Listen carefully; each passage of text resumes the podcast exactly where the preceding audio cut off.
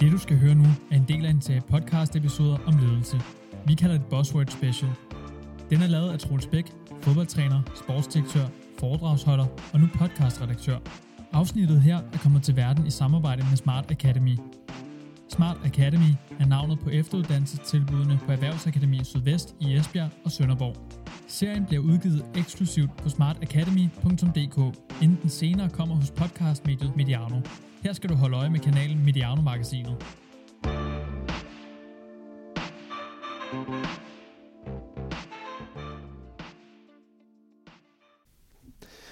Så er der igen udsendelse fra Smart Academy. Det drejer sig om ledelse, og i dag drejer det sig om ungdomsledelse, hvor jeg er heldig at have selskab af dig, Søren Østergaard. Velkommen til.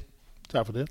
Der er mange ting, man kunne sige om dig, og, og noget af det kan jeg jo sige. Øh, du har forsket i, i børne- og ungdomskultur i 25 år. Du er leder af Center for Ungdomsstudier. Du har skrevet flere bøger, primært om den forskning, du har bedrevet, og du holder, ja, i normaltid, jeg ved ikke om også coronatider i normaltider, men gerne over 100 foredrag om emnet om året.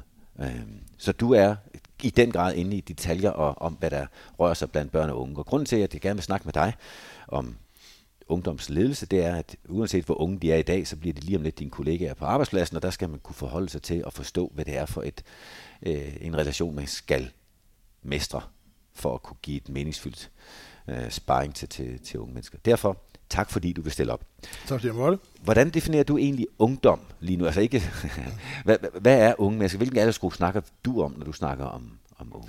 Jamen i dag snakker man faktisk om uh, unge helt ned til 9-10 års alderen. Altså i, i dag vil man sige den helt traditionelle periode, hvor man leger. Det er fra 0 til 8. Og så bliver man tween, og så går man i gang med at forbruge de produkter, som er tiltænkt ens ældre søskende øh, og ens forældre. Og det er jo derfor, at man nogle gange kan komme ud i klasser, tredje klasser, hvor at de har fået fat i en sixpack-app, som egentlig var til far, men hvor de er i gang med deres øh, kropsprojekt allerede, når de er 10 år gamle, ja. og laver push-ups og mavebøjninger og, og alt muligt. Og det, og det har noget at gøre med, at man meget tidligt bliver eksponeret til, øh, til produkter, som øh, egentlig bare er helt tænkt, øh, som er tiltænkt en helt anden målgruppe.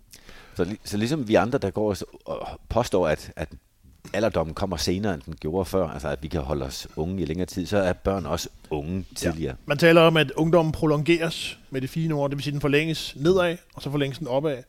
Og i dag, er der, i dag vil man i min branche tale om to typer af unge, nemlig øh, aldersunge og livsunge. Aldersunge, det er dem, som, øh, det er de nye kollegaer, man får ind i virksomheden, det er den nye lærling eller den nye kontorelev, øh, som så skal coaches af den livsunge. Udfordringen er jo, at nogle gange så kan de to, øh, to typer, eller de to grupper, de kan være i gang med fuldstændig samme projekt. Den øh, aldersunge, der har fundet en top nice kæreste og lige flyttet hjemmefra, og så den livsunge, der lige har været på Tinder øh, og skal på date her næste weekend. Inden da skal vi lige ned i øh, øh Fitness World og lige strammes op, så vi er klar. Øh, og, og det vil sige, at man kan spille stort set på det samme projekt, eller på den samme bane, om man er 17 eller 47. Det er det, der er interessant i dag. Så livsunge, det er de, det er de sådan traditionelt, øh, det man vil sige i gamle dage, hvor de voksne. Udfordringen er, at nogle gange kan de jo være i gang med fuldstændig samme projekter, som de lærlinge eller de øh, elever, som man, øh, som man har i virksomheden. Så, så når vi kommer til at snakke om øh, ungdomsledelse lige nu, så, så gælder det ikke en specifik aldersgruppe. Det kan lige så godt være en bestemt måde at leve livet på. Peter Pan-gruppen på 47. Der. Ja, lige præcis. Ja. Lige præcis. Men, og, og man kan sige, udfordringen er, at der er jo nogen, der, er jo nogen, der reelt aldrig bliver voksne. Og når de bliver voksne, så handler det om, at de får måske den første livstruende sygdom, der gør, at man er nødt til lige at gentænke, eller man oplever nogle relationelle nedbrud i sit liv, der gør, at man er nødt til at tænke sig om.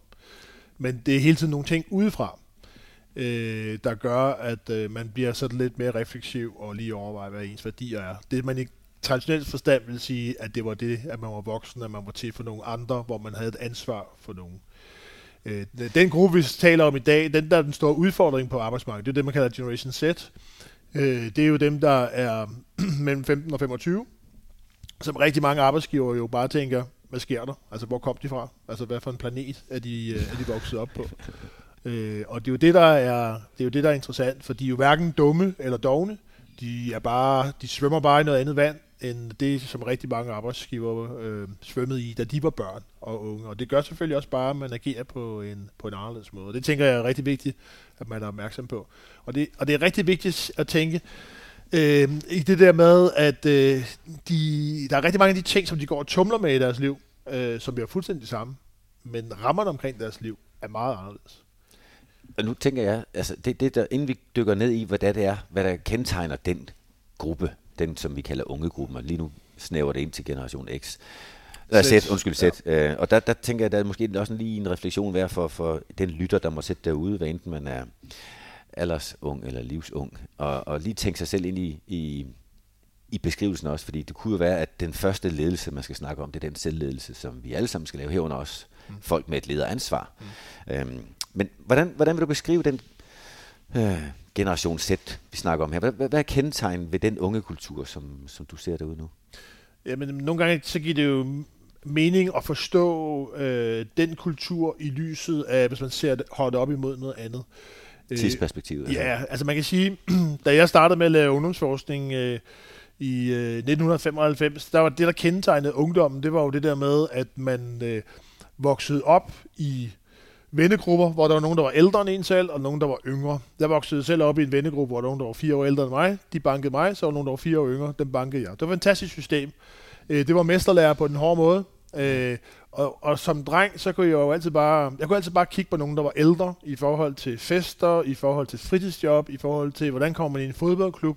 Så der var hele tiden nogen, der var, der var sådan rollemodeller. Man taler om legemestre og kulturbær. Mm. Øh, og det blev givet videre på den hårde måde. Det blev også givet videre på den sjove måde. Øh, for eksempel, når vi, inden vi skulle til fest, så var der en af de der lidt ældre piger, der lige lærte også 11-12-årige dreng at snave ned i cykelskuret. Sådan var det jo. Det var bare sådan den helt traditionelle rituelle overlevering. Øh, I dag, når man, hvis man nu spurgte på en arbejdsplads, hvor lærer man at kysse i dag, så vil rigtig mange sige, at det gør man på YouTube eller på TikTok. Øh, det er simpelthen øh, det, er, det er en anden, altså det er nogle andre rammer. Altså i dag er man indlejret det, man kalder horisontale vennegrupper. Der er meget segmentering i vores samfund.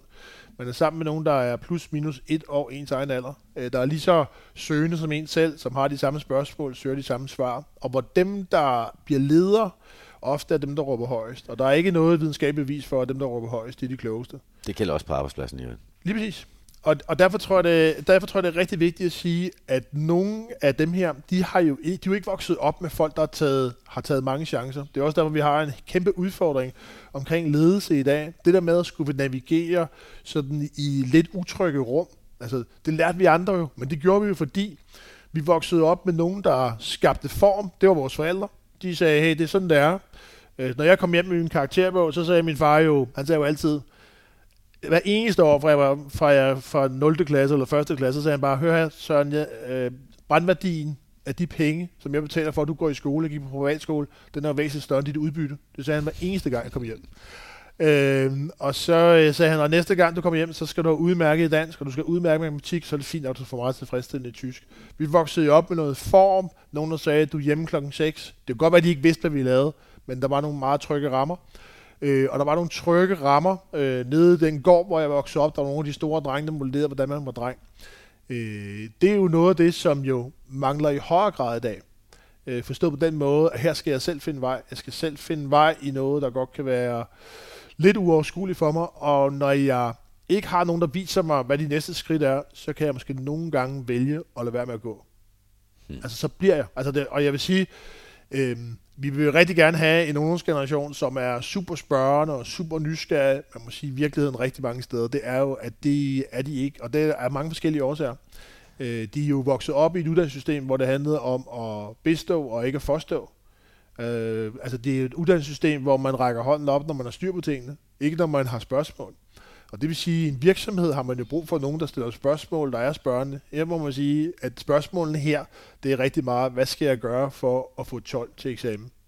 Og ikke, hvad, der, hvad der er læring i det, det der med at blive rykket fuldstændig ud og gøre noget andet. Altså jeg fik, jeg fik to 13 i gymnasiet. Det er, min, det er min datter noget chokeret over, hvor dum jeg egentlig var. Ikke? Øh, men hvor jeg bare siger til hende, og det eneste 13-tal, det fik jeg simpelthen for en opgave, der fuldstændig mislykkes. Men hvor man egentlig bare blev anerkendt for, at man tog en chance øh, hvor hun siger, det er vildt, det kunne man aldrig finde på i dag. Der gør man jo kun det, der ligger lige inden. Altså, hele, hele 12 systemet øh, gør jo, at man har en gruppe af unge, som jo primært spiller inden for en given spilleplade. 13-tal, det handlede rigtig meget om at få nogle unge til at komme ud over, ud over spillepladen. Så, så den præstationskultur, der ser ud til at være sådan stadig mere tryggende, Det ligger jeg så ind Ja. i samtalen. Det er ikke sikkert, det er det, du finder, men den præstationskultur går rigtig meget på at udfylde rammen, og ikke at afsøge, hvad der ligger udenfor. Er det det, du Ja. siger? Og man kan sige tidligere, altså jeg synes, øh, når jeg ser på det, øh, så skal jeg ikke sige, det var, det var ikke meget bedre i gamle dage, men jeg vil sige, at det, der er interessant, det er jo, at når vi ser på, hvad det er for nogle voksenroller, også ledelsesroller, som man efterspørger, så er det jo dermed, at jeg kommer ud i en sammenhæng, jeg har brug for nogen, der skaber form. Jeg har simpelthen brug for nogen, der gør, at her, der falder jeg, der, altså, jeg finder ro i det, jeg skal lave. Og når jeg har gjort det i et stykke tid, øh, så har jeg brug for nogen, der er turguider, nogen, der følges med mig, og som tager mig med ud. Og fordi, hvis nu vi tager dig som eksempel, øh, jeg har, jeg har, jeg har trænet fodbold sammen med dig, du har vist mig, hvordan jeg skal flytte kejler, øh, og jeg finder ud af, at 8 ud af 10, de overlever sammen med dig. Øh, når jeg finder den ro i det, og du så beder mig om at gøre noget, jeg aldrig har fået, gået, prøvet før, så vil jeg have en, en ro i, at det kan jeg godt. Øh, og jeg tror, at ledelse handler rigtig meget om at skabe den der, man taler om formskaber, og så har man brug for turguider. Og det er næste fase i, øh, i ens liv. Og så på et tidspunkt, når man egentlig oplever sig tryg med det med, at vi, øh, jeg har fået opgaver, hvor jeg går sammen med nogle andre på et tidspunkt, så skal jeg også motiveres og inspireres til at kunne gøre ting selv. Skal Øh. den motivation, øh, du var med i en sætning, men bare den motivation, øh, skal den komme fra en, fra, fra en leder, fra en omgivelse, eller skal den være den, man selv vokser op med, man skal have lov til at bære ind? Jamen, det interessante er jo, at, det er de fleste af os, at det er jo det, nej, det er det er de færreste af os, der skaber ud af ingenting. Øh, og, og det, der er interessant, når vi sådan ser på, hvad det er for nogle, hvad skal vi sige, voksne, de efterspørger det, den her generation, så efterspørger de jo nogen, der er nysgerrige på dem, det skal jeg nok vende tilbage til. Så, oplever de, så efterspørger de nogen, der er fagligt dygtige, nogen, de har historie med, og så nogen, der giver ansvar, efter det er vist, hvordan opgaven kan udføres. Og, og nogle gange så tænker vi jo bare, at øh, vi tager for givet, at der er nogle unge, der kan nogle bestemte ting, fordi vi refererer til begrebet sund fornuft. Udfordringen er, sund fornuft, det indlejer en anden. Det, det handler rigtig meget om, hvad for en kultur. Altså det, der er sund fornuft for dig og mig, er sikkert ikke sund fornuft for vores børn. Specielt ikke sådan noget med for eksempel øh, smartphones, og hvornår man svarer på beskeder, hvor vi tænker, det er uhøfligt for dem, så er det jo uhøfligt ikke at svare deres venner. Mm. Det er jo ligegyldigt i forhold til os, for vi er her jo, men det er uhøfligt ikke at svare deres venner. Øhm, og det, det er der, hvor jeg tænker, at det er rigtig, rigtig vigtigt at sige, hey, vi modellerer nogle praksiser, vi øh, går sammen med dem, øh, og så skal vi vise, hvordan opgaver kan udføres. Ikke for, at de skal kopiere på den lange bane, men for at skabe et rum, som de kan tage afsæt i, i forhold til at udvikle. Så vi er nødt til at, det, vi gerne, det man gerne som arbejdsgiver gerne vil have, der sker en virksomhed, det er man nødt til selv at være med til at modellere. Og så med udgangspunkt i det, så kan der ske rigtig meget innovation i en virksomhed, hvis man skaber en, en, en tryg platform i forhold til at gå videre. Og specielt også, hvis man får lavet en kultur, hvor det er okay at fuck ting op. Øh, rigtig meget innovation handler jo om at få skabt sådan nogle miljøer, og det tænker jeg måske ikke altid, vi er sådan, øh, man skal være opmærksom på, at rigtig mange af dem, de kommer ud af en skole, hvor der ikke er nogen point i at fuck ting op. Der er ikke nogen point i en vennegruppe i at række hånden op og sige, hey, øh, der er sgu ting, jeg ikke kan finde ud af, eller jeg har det svært i livet. det er hele tiden en kultur, hvor man rækker hånden op, når man har styr på det. Og udfordringen er jo, så kommer vi til hele tiden at leve inden for den samme spilleplade.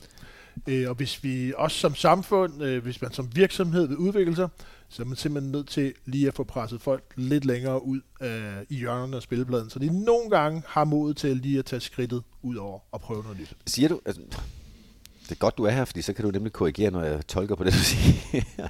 siger du, at øh, iveren efter at bestå testen, iveren efter at udfylde rammen, iveren efter at blive bekræftet i at være god nok, og frygten for at være det modsatte af god nok, gør, at de måske som gruppe ikke har nemt ved at være innovative? Ja, det, jeg, jeg vil sige, langt hen ad vejen, så tror jeg, det er den mest mainstream ungdomskultur, vi har haft ever. Mm. Øh, fordi man er simpelthen bange for at lave... Altså selvfølgelig, at der er folk, der stikker ud, øh, og der er jo rigtig mange folk, der gerne vil starte deres egen virksomheder, men det er jo ofte inden for de samme ting. Øh, der, hvor man jo... Øh, Øh, altså, hvis man virkelig vil have innovation, så er man simpelthen nødt til at lave miljøer, hvor, det, hvor man, vi sætter pris på, at man tør fejle. Og jeg tror jo, nogle af de miljøer, altså der hvor, nu kommer vi jo så begge to fra fodboldverdenen af, nogle af de miljøer, hvor man jo lærer det her, og man kommer videre, det er jo lige præcis for eksempel fritidslivet. Altså der, hvor skole opdrager til øh, perfektionisme og teaching to the test og alt det der, så må man bare sige, hvis man skal være en god øh, musiker, en god fodboldspiller, så skal man turde lave fejl. Og, mm. øh, og jeg tror, det der med også, jeg tror faktisk, det er rigtig vigtigt, at man som arbejdsgiver, øh, også for, for, for de historier i spil, der i øvrigt gælder i en, øh, i en ung medarbejders liv. For der er jo masser af arenaer, hvor de oplever at øh, fejle, men komme videre. Altså jeg, jeg har selv nogle pigespillere, hvis de brænder straffespark, så bliver de bare videre. de samme piger, de vil sidde og tænke over i tre måneder, du sad lidt på spidsen, øh, hvis de jo kom til at sige Berlin, og svaret var London, fordi så de blameret sig i en time. Og det vil sige, at øh, noget af det, som jeg tror jo er rigtig, øh, er rigtig vigtigt, jeg, jeg er jo selv leder af et forskningscenter også, hvor jeg har medarbejdere. Øh, noget af det, som er rigtig vigtigt for mig, det er jo at tage medarbejderens hele medarbejderens liv og bringe i spil i forhold til at bringe dem videre. For der er jo masser af arenaer, hvor unge faktisk er innovative. Men så kommer de ind i forhold til uddannelse og i forhold til arbejde, og der bliver det meget, meget konformt. Og det vil sige, at det handler om at få den transferværdi mellem de arenaer, hvor de tænker ud af boksen, og så få det med ind på en arbejdsplads.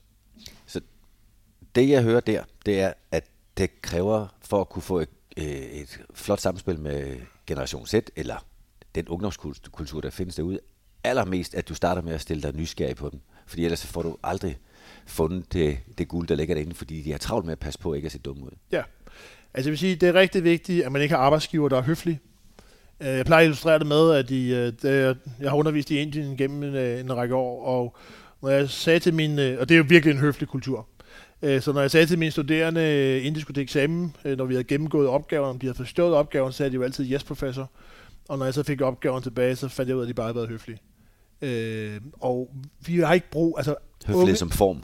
Ja, lige præcis. Øh, I stedet for at spørge ind til at sige, hey, nej, der er sgu noget, jeg ikke forstår en skid af her. Øh, at øh, øh, vi har, de, de var ikke nysgerrige. Altså, det, det var en bestemt kultur, og det er jo rigtig meget det samme, vi spørger ind til, hvad vi skal gøre for at være inden for sådan en bestemt ramme. Øh, men det som, vi, det, som de har brug for, det er jo arbejdsgiver, der er nysgerrige på deres liv. Altså på det, det, der optager dem, hvad der passionerer dem, for i højere grad at kunne forstå, for sat, for sat den passion i spil i forhold til resten af deres arbejdsliv. Og det handler jo ikke om, det er rigtig vigtigt for mig at sige, øh, alle de her øh, unge, de fleste af dem, de er jo rigtig gode til, når man kommer til McDonald's, de stiller alle sammen det samme spørgsmål. Nå, hvad skulle det være? Og nede i brusen, så siger de alle sammen, hey, have en god dag. Og det vil sige, alt det, man skal, alt det, man skal lære, det kan de sagtens lære. Det er helt uproblematisk. Men hvis vi gerne vil have det, så, så det, min pointe er bare at sige, at de kan jo sagtens passe ind i en kultur. Men hvis man gerne vil have en kultur, hvor man også skaber udvikling, så er det rigtig vigtigt, at man så også er nysgerrig på, hvad der i øvrigt optager dem. Fordi fornyelse af, noget af den fornyelse, der sker i virksomheder i dag, specielt inden for øh, hvad hedder det, IT og så videre, det handler jo også om arbejdsgiver, der skal stille, øh, sætte deres øh, unge medarbejderes kompetencer og deres, det her med, at det har været en del af deres liv hele, hele altså det har været en del af deres liv, hele deres liv. Øh, de kan noget andet. Altså de, de øh, arbejdsgiver, der er nysgerrige på det, de får jo i højere grad sat nogle ting i spil. Øh, jeg tænker bare, at der er rigtig mange mekanikerværksteder og rigtig mange virksomheder, som øh, godt kunne få lavet nogle fine promotion-videoer af nogle af de der 17, 18, 19-årige elever, de har, som jo har lagt video op de sidste 10 år og ved alt om videoredigering og kan lave det fedeste i løbet af ingen tid. Og så kan det godt være, at Holgers Auto, det kommer til at stå lidt mere stærkt, øh, hvis man får en eller, anden, øh, en eller anden lærling til at illustrere det på en måde, som, altså i en anden form, end det Holger nu plejer at gøre. Ikke? Så, så det øh, at snakke om, hvilke ekstra kvaliteter øh, den generation kan tilbyde, kunne godt være emnet, det gerne vil tage fat i, lige efter den her korte øh, budskab fra, fra Smart Academy, fordi det, vi har snakket om indtil nu, det har meget centreret omkring nysgerrighed, og det må være grunden til, at folk sidder og lytter med til det her, det er, at de er nysgerrige på, hvor, hvor kan man finde ekstra kontakt til de unge mennesker, når man skal lave ungdomsledelse. Så her, først en pause, og budskab fra Smart Academy. Hvis du ikke kender Smart Academy, så kommer du til det i de kommende år. I en tid, hvor meget er usikkert, så er det ganske sikkert, at efteruddannelse både kan hjælpe dig igennem og videre ud i nogle udfordrende, men spændende år. Hold øje med de fine muligheder for transportfolket, teknikerne og salg- og markedsføringsentusiasterne, selv de digitale af slagsen. Så tøv endelig ikke med at tage kontakt, hvis du gerne vil snakke med en vejleder om mulighederne for at tilpasse et forløb til lige præcis dig og din virksomhed. Se mere på smartacademy.dk. Så vi har, vi har snakket om nysgerrighed, og jeg har vant til at tænke i læringsmoduler, som hedder, at hvis ikke du er nysgerrig, er du ikke nyt, men hvis du ikke er modig til at blive derovre i det nye, du har opdaget, man skulle kunne, så kommer du aldrig til at lære det øh, på et vist niveau. Altså modet til at stå og være lidt dårlig. Den, det mod ser ud til at være udfordret meget i den kultur, du beskriver, hvor man gør alt, hvad man kan for at bestå test og se ordentligt ud. Og så kan man så lægge i øvrigt til, at hvis du skal være modig i noget, du ikke kan så godt, så skal du nok også være tålmodig for at nå at være der længe nok til at, at lære din kultur. Ja, der røg at lære en ny færdighed. Det, det lyder som en, en udfordring i den kultur, du beskriver. Altså at være modig til at være, lave fejl, og tålmodig til at blive ved længe nok. Ja, man kan sige, at vedholdenhed er jo en interessant ting, det med, at man helst skal mestre ting med det samme, øh, er, jo, er jo en udfordring, og det ser, vi, det ser vi også i skole. Det interessante er jo bare, at det handler også om, hvad er det for nogle opgaver, vi giver unge at løbe efter. Det interessante er jo, at nogle af dem, som man måske tænker, ah, han er ikke tålmodig nok i forhold til at lære, lære nogle færdigheder, den samme unge kan måske sidde og spille Counter-Strike i 4-5 timer. Og hvis man ved, hvis man bare ved lidt om Counter-Strike, så kan man bare sige, det kræver rigtig meget dedikation, det kræver, at man er koncentreret. Og igen det der med, prøv at finde de arenaer, hvor at nogle af, af ens unge medarbejdere jo faktisk lykkes med nogle af de her ting. Fordi nogle af dem, de er super vedholdende.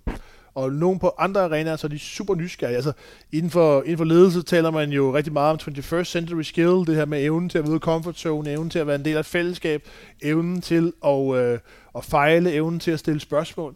På, på andre arenaer end lige arbejdsarenaer, uddannelsesarenaer, der er jo rigtig mange af de her træningsarenaer. Og hvis man er super, det er derfor, det, nu skal jeg lade være med at vende tilbage til det, men det der med, at hvis jeg har et helt billede af, hvem mine medarbejdere er, så er det også meget nemmere at få langt flere arenaer i spil øh, i deres liv. Jeg tænker, at det gælder i øvrigt i al form for ledelse, ikke kun i forhold til ungdomsledelse, men i det hele taget. Men, men den interesse, den nysgerrighed, kræver for det første, at man er en lille smule nysgerrig på sig selv også, som leder, tænker for at kunne manifestere tilstrækkeligt nysgerrig til at lære nok, reelt nok om de andre. Ja, så kræver det, at man afgiver rollen som ekspert. Ja. Og det interessante er jo bare, at der er jo ikke nogen af de her unge, der har nogen som helst forventning om, at, øh, at øh, direktøren eller lederen er, øh, er ekspert, ved noget som helst om deres liv. De er jo ligesom vokset op med forældre, der ikke har vidst. De har været så meget last century, øh, dem de forældre, de er vokset op med. Så de ved, det er en præmis, at voksne ikke er eksperter. Det var vi i gamle dage, altså i, i højere grad.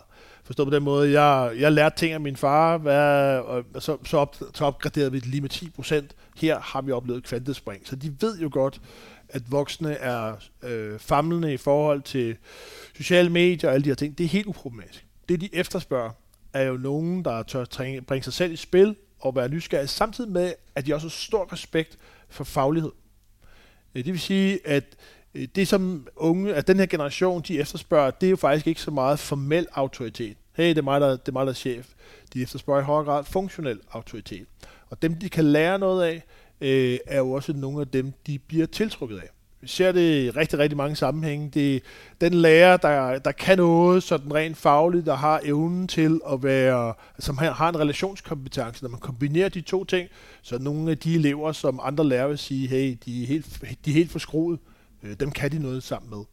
Så det er, så det er lidt den der øh, kombination af, at man, øh, at man har en faglighed, samtidig med, at man også har evnen til at spille sig over på den andens banehalvdel, der er helt afgørende. Mm. Og det kræver, og det er vi jo dårligt til øh, som ledere, men det er vi også dårligt til som forældre, det kræver, at vi spørger ind til ting, vi ikke ved om.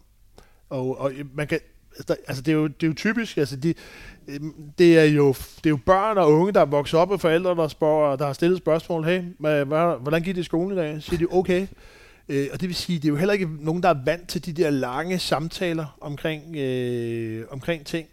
Øh, så, så der er rigtig meget træning i at komme ud i en virksomhed, og så have øh, få den der oplevelse af, at her der er faktisk nogle, øh, en leder, som rigtig gerne vil vide, hvad der er, der sker, sker oven i hatten på mig. Der er simpelthen nogle af dem, der kommer ud nu, de er jo simpelthen i, de er i dårlig form i forhold til at tænke sig om. Fordi de vokser op med det, man kalder deskriptive spørgsmål. Meget der med, hey, hvad har du lavet? I stedet for, hvad gjorde du ved dig? Mm. Øh, og hvis vi gerne vil have, altså innovation for eksempel, kræver jo grundlæggende set, at vi nogle gange tør kaste hele lortet op i luften, og så se, hvad der kommer ned, og så stille uh, spørgsmålet, hey, hvor meget af det her skal vi egentlig have med os, sådan fremadrettet. Øh, og der kan man sige, at øh, den, det er det, jeg oplever selv, at når man får bragt dem i spil og får bolden til at rulle, så er der rigtig mange af dem, der er gode til det. De er bare ikke, de er bare ikke vant til det. Øh, og det er de ikke vant til derhjemme, og jeg tror, øh, dem der sidder og lytter til dem, jeg tror selv, man, man, man bliver selv indlagt det der åndssvage spørgsmål, hvor de kommer bare til at fortælle om, hvad de, øh, hvad de har lavet i skolen. Der. Vi spørger ind til trygge ting, øh, også omkring middagsbordet. Og det vi har brug for også i virksomheder, hvis man skal udvikle ting, det er jo, at vi også en gang imellem som ledere tør kaste os selv ud på usikkert vand, for derved modellerer vi jo også for nogle medarbejdere, at det faktisk er helt okay. Og at der faktisk er, øh, der er prestige, eller at det, det, det, er en del af vores, det er en del af vores virksomhed, at jeg tør det som chef, øh, og fordi så skaber jeg også rum for, at mine medarbejdere de kan, at de kan gøre det. Så bliver jeg tourguide i forhold til at være en del af det ukendte. Mm. Så i stedet for, at man som medarbejder skal være den, der trækker chefen ned, så må man bare sige, at hvis man gerne vil have flow i det her, så er man som chef nødt til lige at turde være den, der kaster sig ud fra de tusind farvene. I en tidligere udsendelse her på Smart Academy har vi også haft øh, Michael Trolle med inde, og, og han har blandt andet rettet opmærksomheden på det, øh, det faktum, det kaster jeg, kaster jeg gerne på bordet som et faktum, at, øh, at meget øh, ledelse har gennem årene været planlagt ledelse. Altså man laver en plan, og så forfølger man den, og så tager man skridt efter skridt i en retning, og så bliver lederen til et kontrollant. Mm. Men påstanden er jo samtidig, udvikler alting omkring os, øh, udvikler sig eksponentielt, og på en måde, som ikke gør en 3% vækst i noget som helst relevant, fordi tingene udvikler sig med renters rente og øh, i eksponentielle kurver. Ja.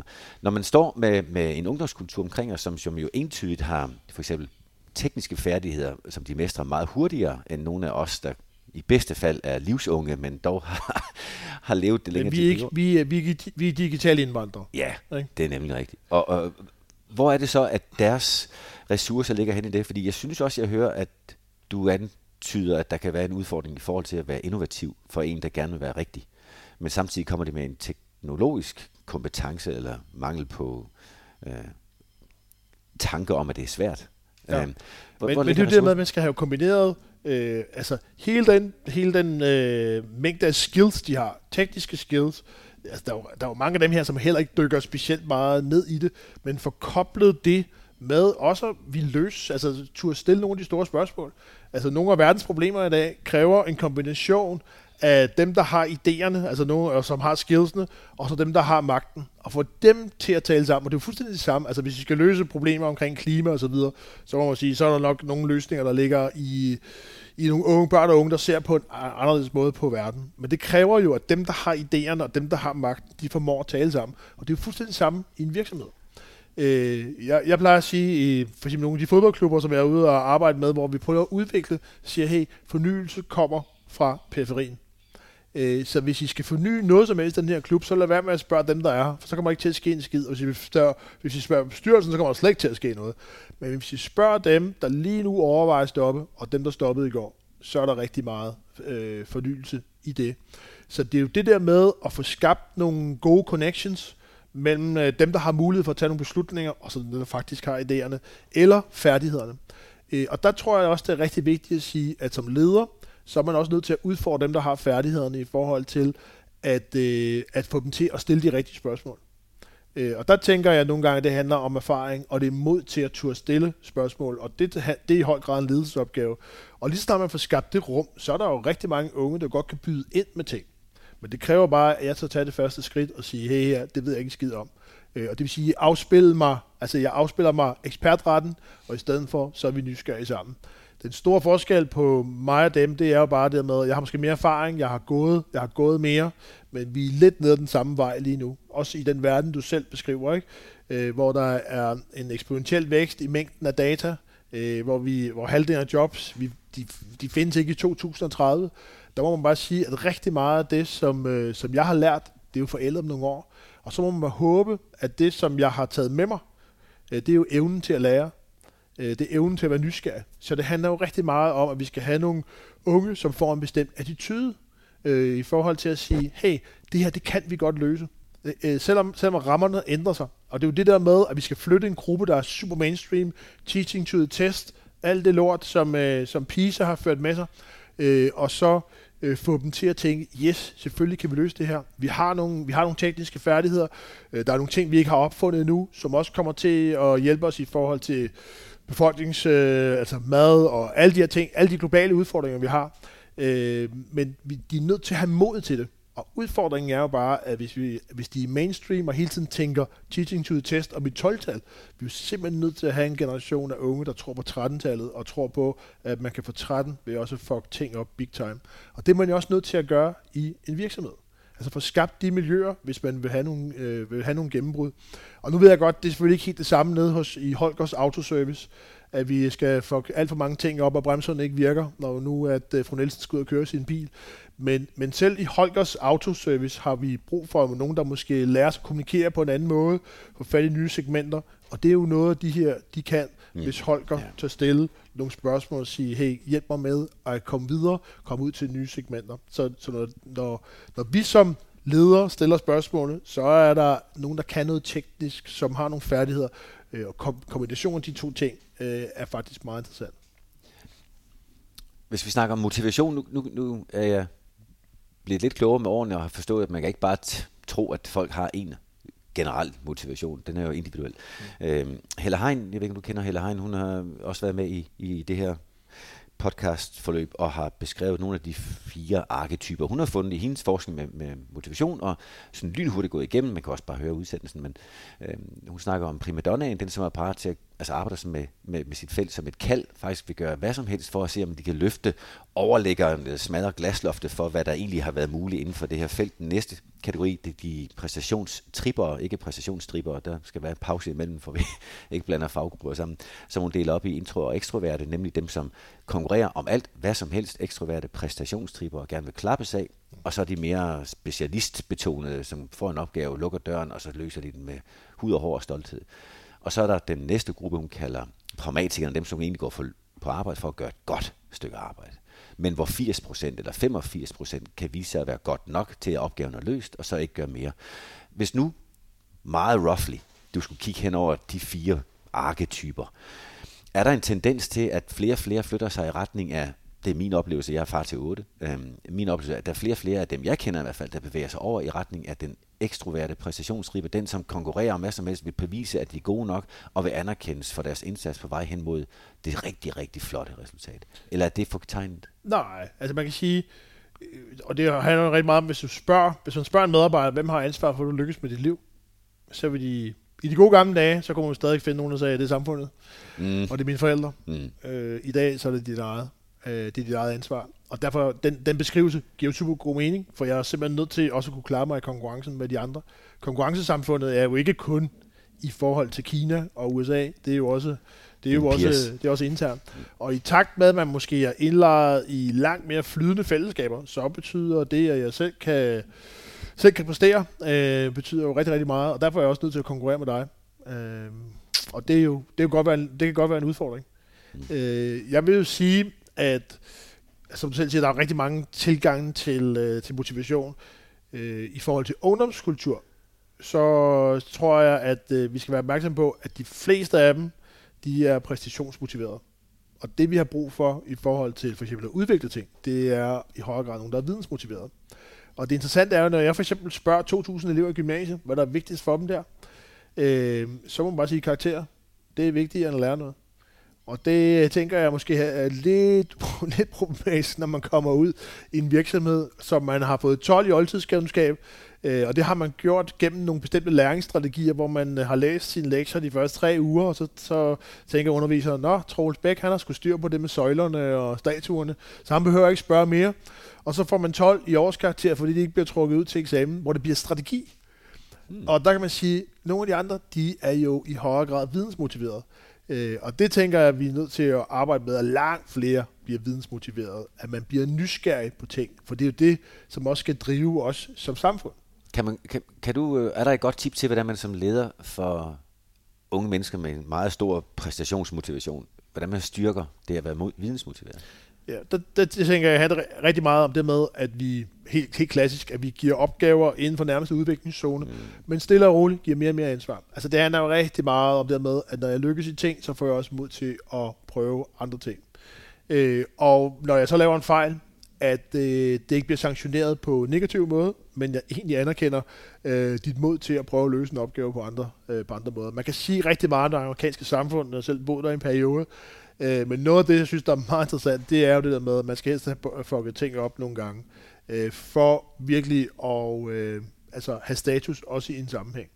Kentucky altså, Fried Chicken var historien ikke, hvor mange hundrede afslag var der, han lige præcis, fik. Ja. Lige præcis. Altså, og, og det er det, jeg tænker, at det er rigtig, rigtig vigtigt, at vi får skabt en kultur, hvor vi egentlig bare stille og roligt skubber. Det er det, jeg mener med, at man, man er nødt til at skabe en tryg ramme, og så begynder man at gå sammen med en medarbejder, og så på et tidspunkt, så siger man til dem, hey, altså motivere og inspirere til, at de selv, øh, selv tager næste skridt.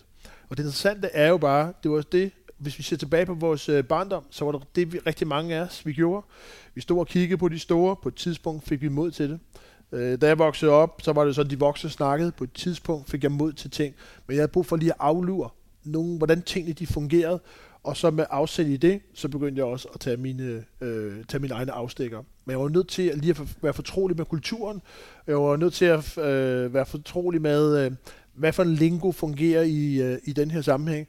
Og så må man bare sige, at rigtig mange af de, øh, de ting, som kvantespring, jeg har lavet i mit liv, har jo altid været voksne, som har udfordret mig til at tage et nyt spring i mit liv. Jeg voksede op i arbejderklassen, øh, og, øh, og det, at jeg gik på gymnasiet, handler jo om nogen, der modellerede en praksis for mig, udfordrede mig til det. Øh, I spejderarbejdet blev jeg bedt om at være leder for nogle små børn. Det viste sig så bagefter, det vidste jeg jo ikke, at de spurgte alle om det. Øh, men det er jo ligegyldigt. så, men det der med, at man oplever, wow, her er der nogen, der tror på mig, og som beder mig om at tage et, øh, et skridt. Her får man også grundlagt en tro på, at jeg faktisk øh, at jeg har nogle evner. Men som også, når jeg så for eksempel var ting, der ikke lykkedes for mig, øh, var der for mig. Og det er helt centralt øh, som, øh, som ledelse at man er god til det. Man får skabt øh, vækstmiljøer, udviklingsmiljøer, øh, hvor man også øh, egentlig giver plads til, at der, også, der skal være fejl. Og vi fejrer fejlene, men vi, samtidig vil vi også fejre sejrene. Fordi rigtig mange af de her unge, de er, kun, de er vant til kun at fejre sejrene. Når ting er perfekte, øh, når jeg ser godt ud på Instagram osv., vi er simpelthen også nødt til at kunne fejre det uperfekte. Du nævnte tidligere for mig, at det er få lov til at gå efter 95% perfektion, som i min verden er jo næsten uopnåelig, alt for voldsomt. Det, det er en kæmpe lettelse for, for den ungdomskultur, der findes ja. nu. Altså det der med, at, øh, at øh, nu skal det bliver jo lidt sådan, øh, det bliver lidt for enkelt at stille det op, men når vi taler om 12-tallets piger, rigtig mange af dem, de skal jo, det er jo, det er jo skole, det er krop, det er sociale medier, det er relationer, det er det hele, der skal øh, være styr på. Og lige så snart man får arbejdet med, for eksempel inden for sportens verden, arbejdet med, hey, det er faktisk okay, at du øh, ikke øh, præsterer optimalt på alle arenaer. Så må man bare sige, så, så kan vi se, at stressniveauet, det falder helt sindssygt. Og det er lidt det samme. Altså, der er bare nogle gode ledelsesredskaber i det. Øh, når jeg er færdig med dig i dag, så skal jeg videre til en efterskole, hvor de jo pludselig, hvor de simpelthen er fuldstændig indlagt det der med, at, øh, at, eller hvor de arbejder seriøst med at sige, hey, kan vi lave arenaer, hvor jeg bare kan få lov til øh, at vide, at her, der toppræsterer jeg, og her, der er det måske nogle lidt andre præstationer. Øh, her er der også nogle andre kriterier, som jeg vurderer mig selv med udgangspunkt i. For eksempel bare det der med, om retningen er den rigtige. Altså, hvis jeg er vant til at få 12, så må man bare sige, det er en fantastisk præstation at få 7, hvis jeg er vant til at få 4. Men det handler rigtig meget om, om er retningen rigtig i mit liv. Og den, nogle gange så kræver det øh, noget ledelse, der egentlig peger på, at medarbejderen faktisk er på vej det rette sted hen. Øh, vi har ofte fokus, altså rigtig mange unge har ofte fokus på den hurtige præstation. Øh, hvis man har været i branchen nogle år, så ved man også godt, at dem, der egentlig lykkes på den lidt lange bane, er jo dem, der har meget mere fokus på udvikling, og hvor der så er nogen, der anerkender deres udvikling løbende. Forskellen fra gamle dage til nu, gamle dage kan jo ikke være mere end 10 år siden i nogen sammenhæng, eller i sidste uge, men øh, der, der er mange forskelle. Øh, i gang jeg i hvert fald som fodboldtræner mærke til de, de store regionale forskelle, der var på at være ung i Vestjylland og ung i øh, København. Og nu er der digitale mødeplatformer overalt, og man har sin peers på, på øh, øh, digitale peers mere end dem, man bor op og ned af. Du beskrev tids, øh, først i samtalen også, at du voksede op med nogen, der var 4-5 år yngre og 4-5 år ældre omkring dig. Nu er de alle sammen nogenlunde i en segment, som man har valgt sig til ind i. Øh, nu sidder vi jo med et digitalt læringsplatform her med Smart Academy, og der er selvfølgelig folk fra hele landet, der kan lytte med. Hvordan oplever du den regionale forskel i ungdomskultur? Er der nogen tilbage, eller, eller er, der, er det Ja, altså der er jo stadigvæk, øh, man kan sige, der er jo stor forskel på at vokse op i Agerskov eller en hul i jorden, og så vokse op inde midt i København. Den store forskel, det er jo, at i København, hvis jeg går rundt i Fields, så skal jeg gøre mig fortjent til at blive set. Fordi alle ser. Altså, Fordi altså, der, er alle, alle, der er ikke nogen, der ser noget, og hvis jeg skal blive set, så skal jeg, så skal jeg skille mig ud for mængden. Når jeg vokser op i Agerskov, øh, så når jeg kommer ind i brusen, så er der altid nogen, der siger hej til mig. Siger, hej Troels, ikke? Øh, så, så der er jeg vokset op med at blive set på godt og ondt i de små samfund. Øh, og det gør faktisk for nogen, at der er en tryghed i det. Øh, hvor man kan sige, der, det ser ud som om, der er lidt mere rådløshed i en, i en storby-kontekst, fordi man hele tiden er på, man er hele tiden på vej, at man skal hele tiden vise, at, man, at der er nogle relationer, som man kan passe ind i, eller fællesskaber, man kan passe ind i. Men ellers vil jeg sige, at når vi ser ind på værdier, håb, drømme, så er det stort set det samme. Altså om du vokser op i København, du vokser op i Karup, det, det er næsten ligegyldigt i dag, når vi laver krydsene. Og det var det ikke for 10-15 år siden. Så det er en udvikling, der er sket de sidste 10 år, som man skal være opmærksom på. Og så ved jeg godt, der er sikkert rigtig mange landsdele, hvor man siger, hey, det er helt specielt at bo i Sønderjylland, og det er helt specielt at bo i, i Vendsyssel. Øh, det helt specielle øh, forsvinder i takt med, at unge i højere grad orienterer sig mod en global ungdomskultur. Så er det det regionale for mindre og mindre betydning. Okay. Herhen mod slutningen af samtalen, øh, vi, vi har vi snakket lidt om, da vi, da vi mødtes i dag også, øh, at forskellen på, på at være en, skal vi sige, en teamplayer, eller være en individualist, er, er nogle gange den måde, man oplever sig selv på, og ikke nødvendigvis det, som andre ser. Øh, tidligere var der mange, der mente, at de unge de var super individualister, meget, måske endda egoister. Og nu, øh, nu har jeg jo efterhånden lært noget andet, også ved at snakke med dig, at de jo faktisk er totalt bundet op i sociale mønstre og, og har stor værdi af det. Hvis man skal tilgå på en produktiv måde som, som, øh, som kollega, eller for den sags skyld også leder, til de unge. Er det en måde at kigge på den på som et stærkt individ, som skal lykkes i sig selv, eller skal man hele tiden tænke teams ind i det? Jeg tænker, det er rigtig vigtigt at sige, at unge er det, man kalder kollektivt orienterede individualister. Og det vil sige, okay. de ved godt, de selv er ansvarlige for at øh, lykkes med ting, men de ser sig også som en del af fællesskabet. Og noget af det, som jeg tænker, der er rigtig vigtigt på arbejdspladser, det er jo det der med at skabe, hvis man vil have robuste medarbejdere, så er man nødt til at lave robuste fællesskaber. Og robuste fællesskaber er kendetegnet ved én ting. Nej, ved to ting. Den ene ting, det er, at det er trygge fællesskaber. Der er en tryg ramme. Øh, og så er det kendetegnet ved, at vi kan tale om de ting, der er vanskelige. Og der er det altid mig som leder, som modellerer niveauet i en samtale. Når jeg fortæller om det, som jeg synes, der kan være udfordrende, både måske personligt i min families liv, øh, men også som, øh, som medarbejder, kollega, så er det os, der sætter niveauet i en samtale. Og jo mere vi også kan tale om de ting, der er svære, jo nemmere er det også for os at sætte ord på alle de andre dimensioner af det at være kollega, menneskeliv osv. Og de virksomheder, hvor man snakker, det er altså også der, hvor man i høj grad trives. Og det er der, hvor man som medarbejder får modet til at række hånden op, når man synes, der er ting, der er vanskelige, eller også, når man får en, en god idé. Fordi man ved, at øh, kulturen er anderledes. Der er, noget, der, der er noget andet på spil, øh, end der, hvor vi egentlig bare skal være en del af en performancekultur, og hvor det gælder om øh, ikke at bringe sig, altså ikke gøre sig selv til grin. Øh, vi har jo selv haft en fælles oplevelse af at være til uh, træner, trænerkursus, mm. og det, uh, det er meget interessant at stå der som underviser for nogle af de dygtigste fodboldtrænere i Danmark, så bare opleve, at der er ikke en eneste af dem, der rækker hånden op. Eller der er to, der er Troels Bæk og så er Ridersholm, nogle af dem uden over jeg. øh, og som har fejlet big time rigtig mange gange, som tænker, det, det tør vi godt. Øh, og det der med, at man som, som leder tør det, tænker jeg helt centralt i forhold til, hvad for en kultur man skaber i en virksomhed. Hvis man gerne vil skabe robuste medarbejdere, så er man nødt til at skabe robuste fællesskaber. Og der tror jeg, det er rigtig vigtigt, at jeg går for som leder. Jeg skaber det, man kalder rum for identifikation.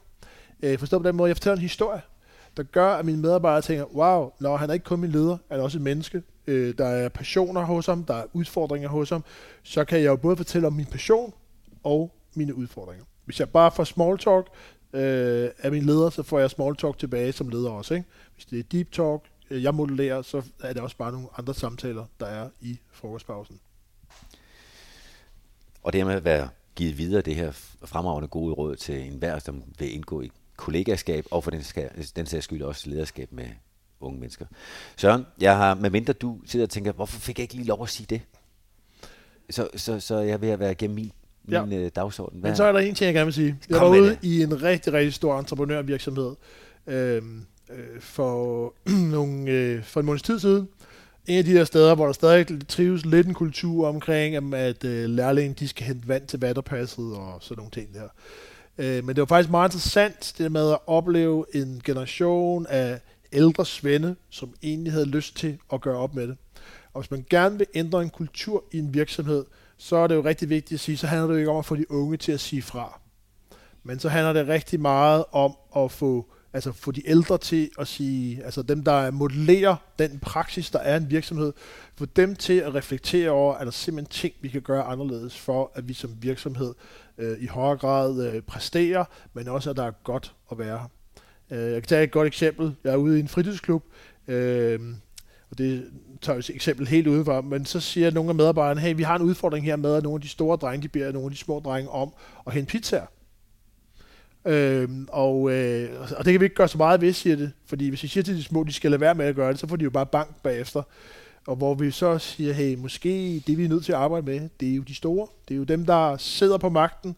Det er dem, der har, der har været kulturdefinerende, som man som virksomhed er nødt til at arbejde med. Så hvis I gerne vil have unge til at blomstre i virksomheder, så er I simpelthen nødt til at arbejde med dem, der egentlig sætter kulturen i en virksomhed. Og rigtig mange af dem, det, det der egentlig bare min erfaring, det var jo det med at snakke med de svende. Rigtig mange af dem, de havde jo selv børn derhjemme, og de ville jo gerne noget andet. Men den kultur, der var der, gjorde det rigtig svært. Og ledelser, der stiller spørgsmålstegn ved igangværende kultur, øh, de vil også opleve virksomheder, som udvikler sig. Tusind tak, Søren. Tak fordi du deltog, og tak, tak til jer, der lyttede med for jeres interesse. Følg med på Smart Academy. Der er mere på vej i din postkasse. Afsnittet her er kommet til verden i samarbejde med Smart Academy. Smart Academy er navnet på efteruddannelsestilbudene på Erhvervsakademiet Sydvest i Esbjerg og Sønderborg. Serien bliver udgivet eksklusivt på Smart Academy, inden den senere kommer hos podcastmediet Mediano, hvor du skal holde øje med kanalen Mediano Magasinet. Tak fordi du lyttede med.